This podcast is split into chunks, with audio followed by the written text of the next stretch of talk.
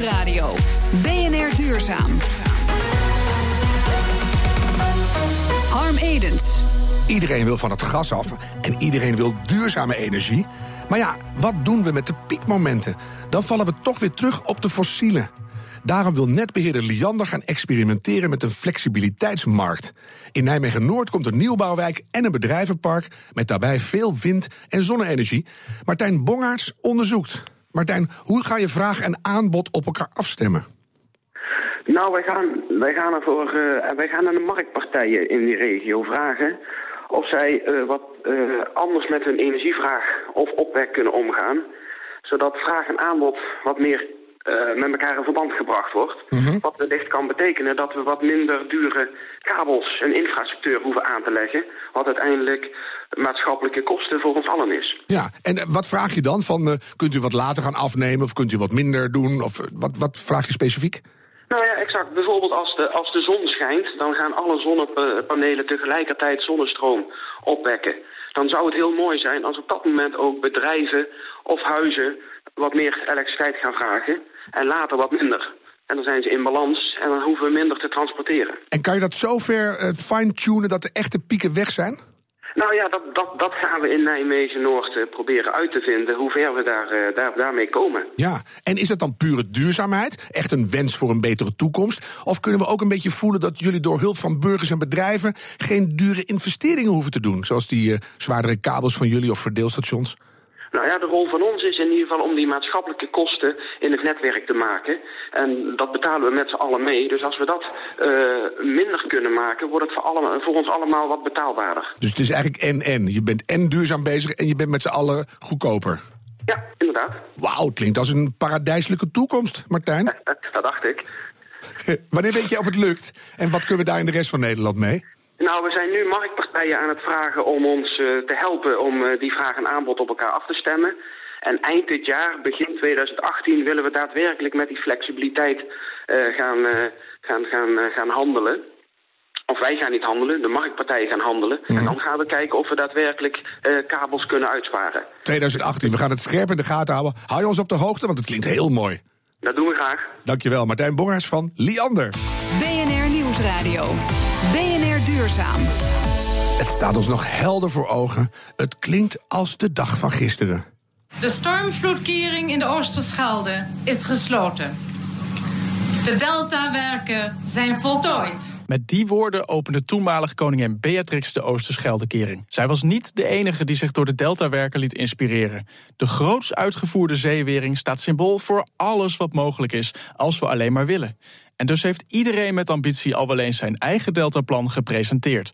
Hier bijvoorbeeld doet een Delftse woonwethouder het in de strijd tegen scheefwoners. Maak nou eens een deltaplan om meer huurwoningen te bouwen sociaal en particulier. En hier LTO Nederland in reactie op grote storm- en hagelschade bij boeren. Want waarom hebben wij een deltaplan? Voor klimaatverandering, voor de kust, van wat miljarden gaat kosten. Het is tijd ook voor een deltaplan als je kijkt naar dit soort klimaatrisico's. En dan is er nog Noord-Brabant. Die provincie heeft veel last van drugscriminaliteit. Om daar een einde aan te maken, is er een deltaplan nodig. We zijn zo vol van onze aanpak dat we onze bondgenoten hun eigen deltaplannen gunnen. Dus daarom stuurden we na superstorm Sandy topambtenaar Henk Ovink naar de Verenigde Staten om de Amerikanen van onze aanpak te overtuigen. Want het zou wel eens kunnen zijn dat een collectieve oplossing goedkoper is, beter, meer kwaliteit oplevert en meer veiligheid. Nu is dus de beurt aan de energietransitie. Een echte energiecommissie moet er komen. Niet in reactie op een ramp dit keer, maar ter voorkoming daarvan. Ja, en het ene probleem is het andere niet. En nu hebben we toch echt te maken met de opwarming van de aarde en een reizende zeespiegel. Een groep verontruste Nederlanders wil nu een heus deltaplan voor de energietransitie op te stellen door een energiecommissie. Paulien Westerdorp is een van de initiatiefnemers en bij mij. Paulien, we hoorden net al wat deltaplannen voorbij komen. Al die plannen werden geen realiteit. Wat maakt dat jullie handtekeningactie dat wel gaat redden? Nou, uh, er zijn een heleboel mensen langzamerhand die zich verzameld hebben in netwerken van netwerken. Dat is een nieuwe term, een netwerk van netwerken. Die zich echt zorgen maken, zo langzamerhand zeggen: nu is het echt tijd dat er iets gebeurt. Maar je voelt wat ik bedoel, hè? Want je zou kunnen zeggen: is het niet een beetje makkelijk elitair gehoest van een groep te rijke Amsterdammers? Ja, nou ja, dat, uh, dat is natuurlijk sowieso. De te rijke Amsterdammers zijn er die, die dat zeggen. Maar er zijn ook een heleboel uh, mensen die in Groningen wonen, die niet zo, ook heel rijk zijn misschien, maar op een prachtige plek wonen, maar waar huizen staan te schudden. In Friesland zijn mensen in, in, in uh, het oosten van het land, in het zuiden, in, in Zeeland. zijn natuurlijk een heleboel mensen die deze ramp ook hebben meegemaakt. Die zeggen: nu moeten we wel op tijd zijn. Dus er zijn een heleboel mensen, niet alleen in rijke Amsterdammers, maar ook arme Amsterdammers en ook uh, in de rest van Nederland. Een heleboel mensen die nu zeggen: ik maak me echt zorgen en er gebeurt te weinig. Dus wij gaan nu actie ondernemen. Ja, want als je dan nog wat dieper kijkt, de enige tot nu toe echt bestaande Delta-commissie was een adviesorgaan van de overheid met budget. En dan is de kans dat echt worden uitgevoerd vrij groot. Hoe, hoe zie jij dat nu? Wat, wat is jullie volgende stap? Nou, uh, dat budget is uh, niet eens voor ons het interessantste. Dat er is geld genoeg. Hè. De pensioenfondsen die, die hebben geld klaar liggen. Die zijn allemaal aan het omschakelen van fossiel naar andere bronnen. Die zijn 20% van hun budget al dit jaar aan het vrijmaken. Dus er zijn miljarden die daar klaar liggen om in te stoppen. Dus geld is voor ons niet het belangrijkste. Het is wel belangrijk dat de overheid zegt: wij, wij vinden dit een goed idee. En dan niet voor vier jaar, maar voor langer. Maar geld is geen probleem, maar geoormerkt geld helpt natuurlijk wel. Want nou, die pensioenfondsen kunnen alle kanten nog op. Waarom gaan ze het in jullie plannen stoppen? Nou, omdat ze uh, uh, erin geloven. Ze willen ook zorgen dat er nog een pensioenplek uh, blijft om je pensioen te kunnen vieren. Dus er zijn een heleboel pensioenfondsen idee, die dat, dat zeggen. Een land over hebt, ik heb een heleboel geld, maar ja. er is geen wereld meer. Ja. Weet je wel? Dus we, er zijn een heleboel pensioenfondsen die dat omdraaien. Die zeggen wij willen ook gewoon dat er een wereld is tegen die tijd. Dus mm. het gaat niet alleen meer om het geld, maar ook dat er een mooie plek is voor iedereen op de wereld. Om, ja, meer, om een pensioen te kunnen vieren. Meer dan een eiland. Ik heb de website Zutphen aan Zee al geclaimd, dus ik zit goed, denk die, ik. Die bestaat al, ja. Wie, moet er in die, wie moet er in die commissie gaan zitten van jullie? Wie, wie is daar geschikt voor? Nou, wij zeggen het, uh, het is niet een standaardcommissie die uh, in, uh, in Den Haag één persoon die zegt ik ga dat doen. Wij denken dat het juist heel goed is dat vijf O's noemen wij dat uit: overheid, onderwijs, ondernemers, organisaties van onszelf. Dus energiecoöperatiesachtige. En ook de ongeorganiseerde burger, waar wij altijd Herman Wijfels en zijn vrouw voorop zetten. dat zijn de mensen die samen. Uh, Klinkt als een soort uh, dierenpark. De ongeorganiseerde burger zit ja, achter precies. het bosje. Ja, ja mooi. En, en, dan komt Herman Wijfels naar voren. Ja, maar het idee is dat het, het, dit is dus niet een, een deltaplan wat echt door een paar ingenieurs in Den Haag bedacht kan worden. Elk gebouw, elk vervoermiddel gaat in onze ogen voor 2030 op duurzame energie over. Dat betekent dat alle mensen hier tegenover wonen en uh, in, in Almelo wonen en in Groningen allemaal één voor één een huis, of een VVE, of een, een appartementencomplex, uh, uh, sportclubs, scholen, die zullen allemaal één voor één gaan. En dat zijn allemaal mensen die dat lokaal kunnen doen. Dus de intelligentie van de hele gemeenschap hebben we nodig. En in lijn met de Verenigde Naties willen jullie dat we in 2030 op 100% duurzame energie draaien. Luister even naar wat energiedeskundige Remco de Boer daarover zei hier op BNR. Het kan fysiek niet. Ik uh, bedoel, je moet dan 7,7 miljoen huizen van het uh, aardgas afhalen in uh, 12 jaar, 13 jaar. Je moet 8 miljoen auto's die nu rijden, die moet je van de weg halen. Zoveel, ik geloof dat er zoveel, er is wel eens naar gekeken hoor. Er is niet eens zoveel grondstof om al die accu's te maken voor 8 miljoen auto's. Dus er zitten gewoon heel veel praktische bezwaren aan. Ja, Paulien. Ja, sterft van de praktische bezwaren. Ja, die paardenkarren die we zagen in 1900, in de, daar ging hetzelfde verhaal over. Dan moeten al die paarden, waar moeten die paarden dan heen? Die komen naar de slager, maar die kan je met die auto's niet doen. Ja, dat is heel, die kan je zelfs omvormen. Maar iedereen heeft binnen zeven jaar een nieuwe auto. Dus auto's is nog het minste probleem. Nou ja, maar even het, het hele probleem bij elkaar gegraaid. Het is nogal veel allemaal. Hebben jullie daar al serieus rekensommetjes op losgelaten? Ja, het is, uh, het is heel veel, maar het is ook te doen. We hebben met de huidige techniek is het al mogelijk. Dus Bijvoorbeeld die accu's, dat raakt op, hoor je dan? Ja, de grondstof van accu's. Maar er zijn uh, een heleboel soorten accu's. Je hebt accu's uit 1900 die toen al bestonden, die het nu nog steeds doen met lood uh, zuur. Dus er, is, er zijn een enorm veel grondstoffen voor. Iedereen denkt lithium, ion, dat is het nu. Maar over een tijdje is het weer een, iets anders. Dus er zijn uh, grondstof voor accu is genoeg. We hebben het over waterstofpoeder. We hebben het over uh, mierenzuur. Die dan weer, dus mierenzuur is goed, hè? Ja, ja dat is zo eenvoudig. Ja, die heeft hij door de studio gecrossed. Puur natuur, ja. ja. precies. Hoe komt het dan dat een, dat een, een gerespecteerd uh, milieudeskundige dit soort uitspraken doet? Die zegt van ja, dit is te veel, het gaat ja. niet lukken. Er zijn altijd, die zijn er over 15 jaar nog, die zeggen dat kon helemaal niet dat het gebeurd is. Wedden? Vind ik ook een goeie. Ja.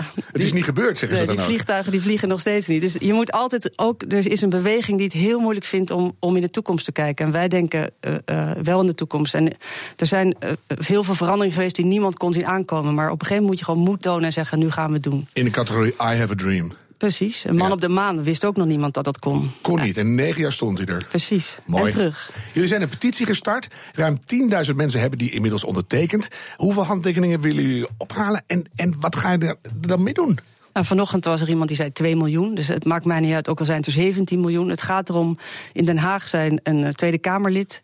die zei, het enige wat wij willen is dat je laat zien... dat in Nederland dit, mensen dit belangrijk vinden. En Ja, dat, wanneer laat je dat zien? Met 10.000 ben je dan nog niet, denk ik. Nou, als je ziet wat voor bedrijven erachter zitten... welke organisaties erachter zitten... dit is voor een eerst een actie wat wij ook voelen... dat iedereen het omarmt. Dus we, het maakt niet uit met wie je praat. Iedereen zegt, dit is een goed idee. Als wij wat meer capaciteit hebben... dan hebben we binnen no time eh, eh, 17 miljoen handtekeningen. Het is echt iets wat iedereen zegt, schone lucht. je droomt graag groot, hè? Nou, maar het is- dat gaat je nooit lukken, denk ik, 17 miljoen. Er zijn ook gewoon mensen die zeggen, er is helemaal geen klimaatprobleem. Dus Nou, mijn kinderen die tekenen ook ervoor. Dus dat is het idee. Je kan ook gewoon tekenen ervoor. Dus het is echt. Ook de kinderen kunnen dit keer meedoen. Maar het is een verhaal met schone lucht, Mhm. banen. En onafhankelijk van een, onafhankelijkheid van andere landen, van, van Russisch gas. Of van, eh, dus er is niemand die zegt: dit wil ik niet. Dus daarom is het echt een plan waar 17 miljoen mensen voor kunnen tekenen. ja. ben je niet iets te, te laat? Want het zou heel mooi zijn als het er nu al lag voor de komende kabinetsformatie. Hè? Ja, maar dan had, het, het ligt er al. Want het is eh, op alle voorkanten van de krant heeft gestaan. Hè. Trouw heeft ook gezegd van eh, het, het speelt een sleutelrol. We zijn wat dat betreft. Natuurlijk te laat voor de, voor de partijprogramma's. Maar aan de andere kant is het heel voordelig dat eigenlijk alleen de ChristenUnie een energiecommissaris had. Maar dat de rest eigenlijk. Het is dus niet een partij. Dat, dat, dat- het is niet van GroenLinks of van Kan GroenRechts. eigenlijk gewoon in één moeite mee nu. Het is echt iets waar iedereen het mee eens kan zijn. En dat is het goede. En dus het wordt een, wat ons ook niet een politiek ding. Het is boven de politiek. Het zijn dus partijen die zeggen... we gaan zorgen dat er tot 2030 een energiecommissie is. Daarna zijn we ook klaar, weet je wel. Dus het is ook een tijdje van 13 jaar, weet je Wij wel. zijn ook klaar. Ja, Dankjewel, fantastisch. Paulien Westerdorp. De petitie is te vinden op energiecommissie.nl. Dat nog zeggen. Zometeen een BNR Duurzaam. Axo Nobel dreigt te worden overgenomen. En als we niet uitkijken, gaat Unilever erachteraan. Is dat wel goed voor de duurzame bedrijfsvoering van dit soort multinationals? Duurzaam ondernemer Marga Hoek legt uit. BNR Nieuwsradio.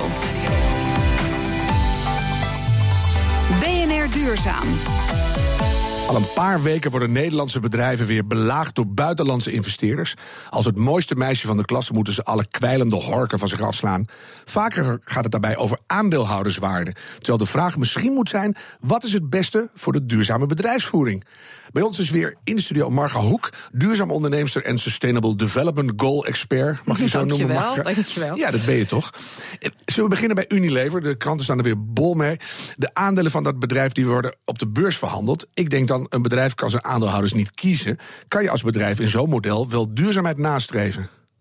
Nou, het is echt het goed. Het is vooral van belang wie zijn je aandeelhouders. Belangrijker dan het systeem de beurs eh, aan zich.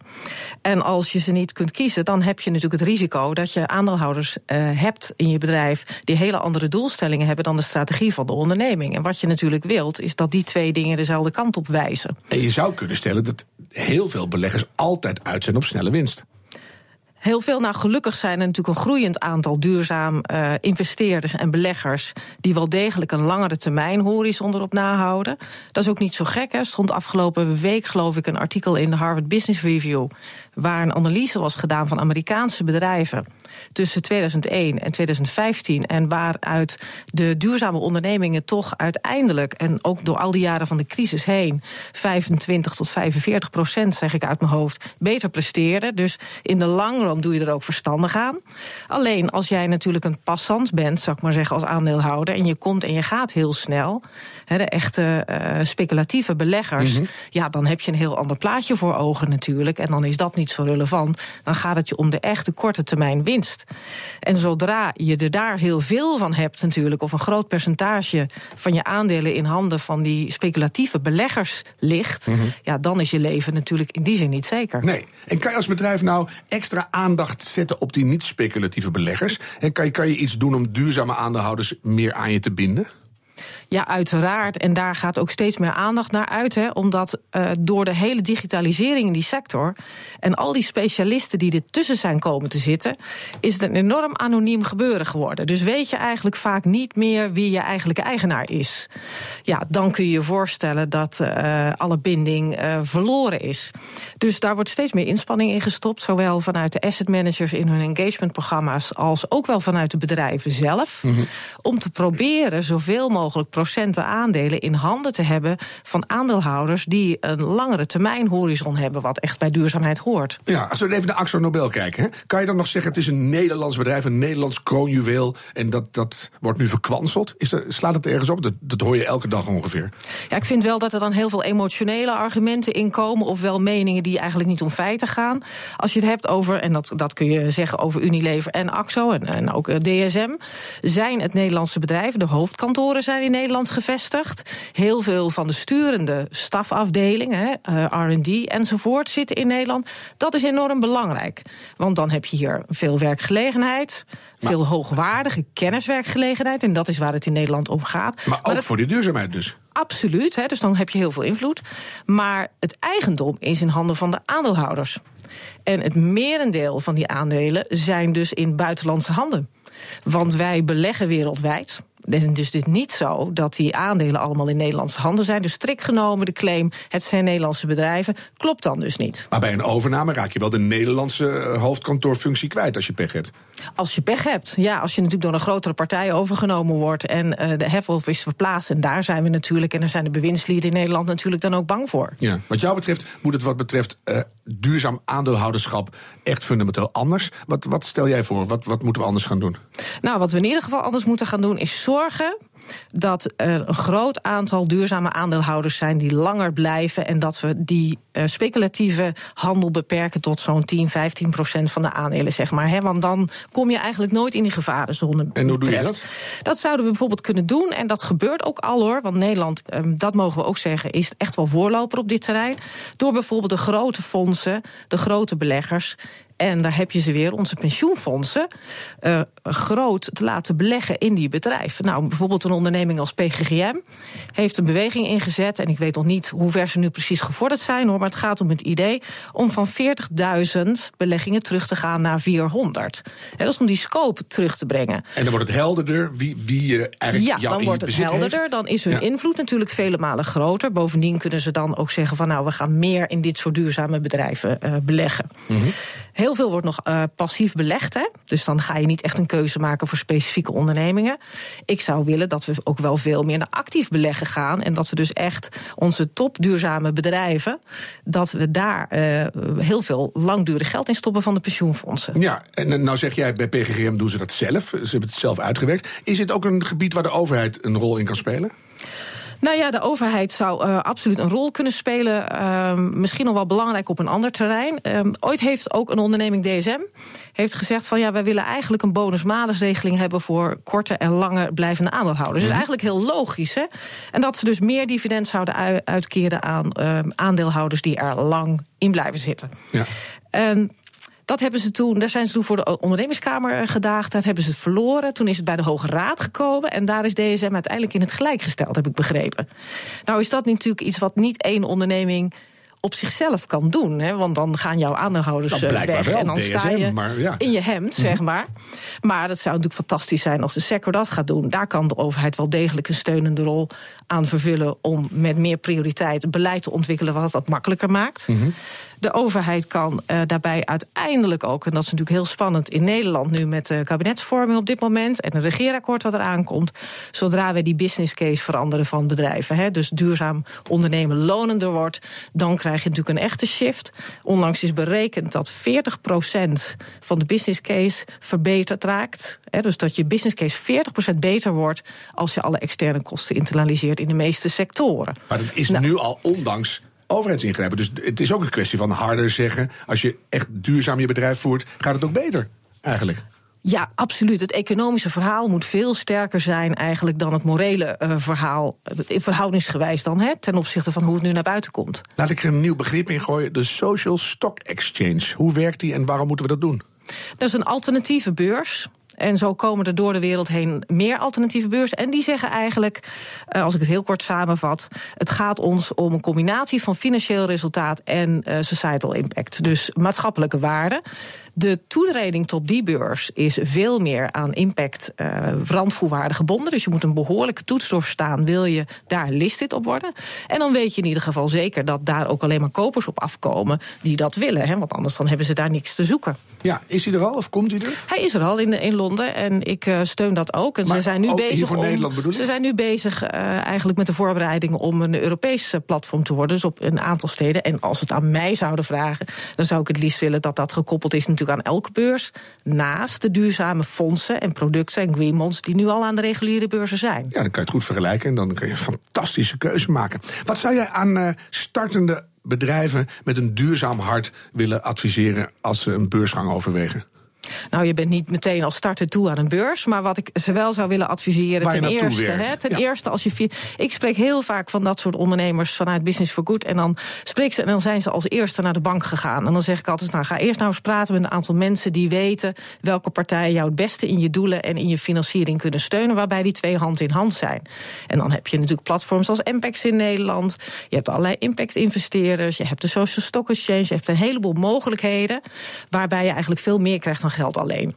Dat is sowieso belangrijk. Ik maar vind het, ook de banken die snel aan het veranderen zijn. Hè? Als ik met ze spreek, denk ik, hé, hey, er gebeurt wel wat. Natuurlijk, maar dan is het nog de vraag: waar moet je bij die bank zijn? Hè? Vaak gaan natuurlijk ondernemers die dat niet weten naar het meest reguliere loket, waar je nou Ja, soms precies geld niet. boven staat, ja, precies.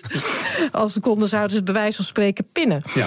En ehm, daarnaast zeg ik wel, eh, en dat is ook met het eindbelang voor ogen, ga zo snel mogelijk naar een platform, eh, of je nou nou member bent of echt genoteerd bent. Leer hoe het is om in de openbaarheid te zijn bij je bedrijf. Daar word je ook veel sterker van. En uiteindelijk hebben we er belang bij dat in die ruif zeg maar, van de beursgenoteerde bedrijven heel veel nieuwe duurzame toetreders komen. Ja, want dan worden we met z'n allen duurzamer. En dan voelen we ook dat we op de goede weg zijn. Marga Hoek, dank je wel. Graag gedaan. BNR Nieuwsradio. BNR Duurzaam. Harm Edens. Rest mij nog één. Laatste vraag. Die komt deze week van Bram Peters. Wat kunnen we doen met al dat zwerfplastic dat we uit rivieren en oceanen vissen? 2 miljoen kilo oud plastic verwerkt Bram Peters jaarlijks tot vlonderconstructies, lichtmasten, afweerstijgers en meer. Voorheen gebruikte hij daarvoor plastic uit de normale afvalstroom.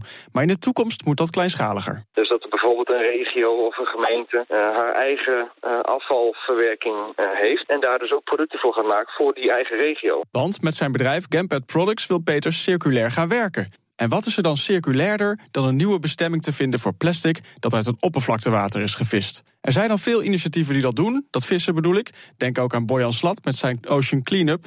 Maar een toepassing is nog niet gevonden. Vaak belandt het plastic gewoon bij de vuilverbranding. Dat moet beter, dacht Peters. En dus benaderde hij de studenten van de Saxion Hogeschool met een uitdagende opdracht.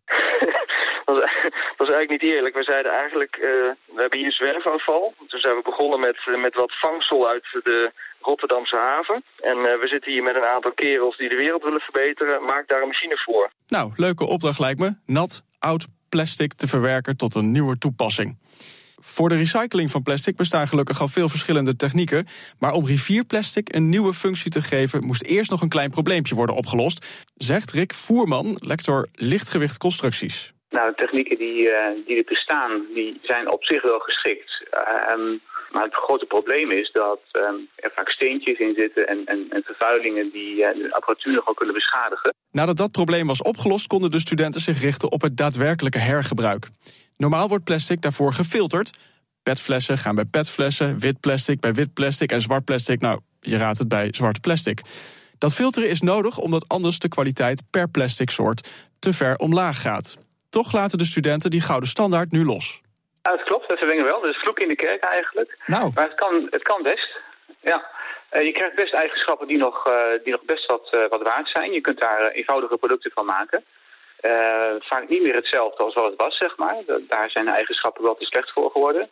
Maar nog heel veel andere leuke producten die heel nuttig kunnen zijn en een goede waarde kunnen hebben. Kan je bijvoorbeeld denken aan sleutelhangers of muntjes voor festivals. We hebben dakpannen gemaakt van kunststoffen, van, gewoon van die vermengde kunststoffen. Bakstenen kun je maken, slipperzolen. Straks dus misschien bij jou in de buurt een vissenkom gemaakt van oceaanplastic of een tafeltennistafel gemaakt van oude Hema-tasjes. Met een aantal compagnons is Peters bezig om een coöperatie op te richten, want winst maken hoeven ze niet met dit product. Inmiddels is er ook een werkend prototype. Dat je het weet.